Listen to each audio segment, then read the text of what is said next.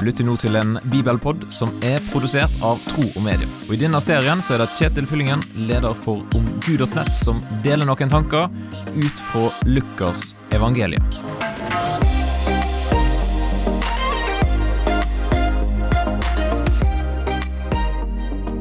Jeg tror da at de aller fleste av oss har lettere for å finne feil hos andre enn å se i speilet og innse at vi har nok noen feil, vi òg.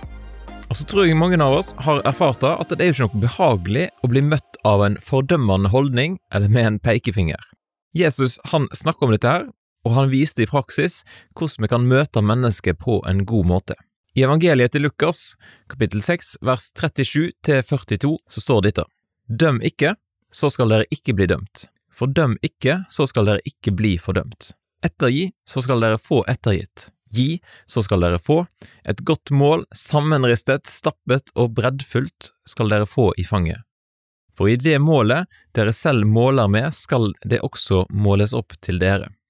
Han fortalte dem også en lignelse. Kan vel en blind lede en blind? Vil ikke begge falle i grøfta?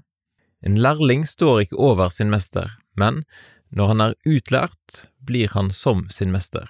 Hvorfor ser du flisen i din brors øye, men bjelken i ditt eget øye legger du ikke merke til? Hvordan kan du si til din bror, Bror, la meg ta flisen ut av øyet ditt, når du ikke ser bjelken i ditt eget øye, din hykler. Ta først bjelken ut av ditt eget øye, da vil du se klart nok til å ta flisen ut av øyet til din bror. Altså, tenk å ha en bjelke i øyet.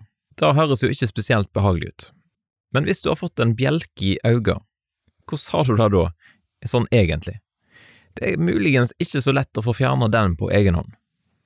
Nå bruker jo Jesus et språklig virkemiddel her og overdriver, men kanskje er det ikke tilfeldig valgt bildebruk allikevel.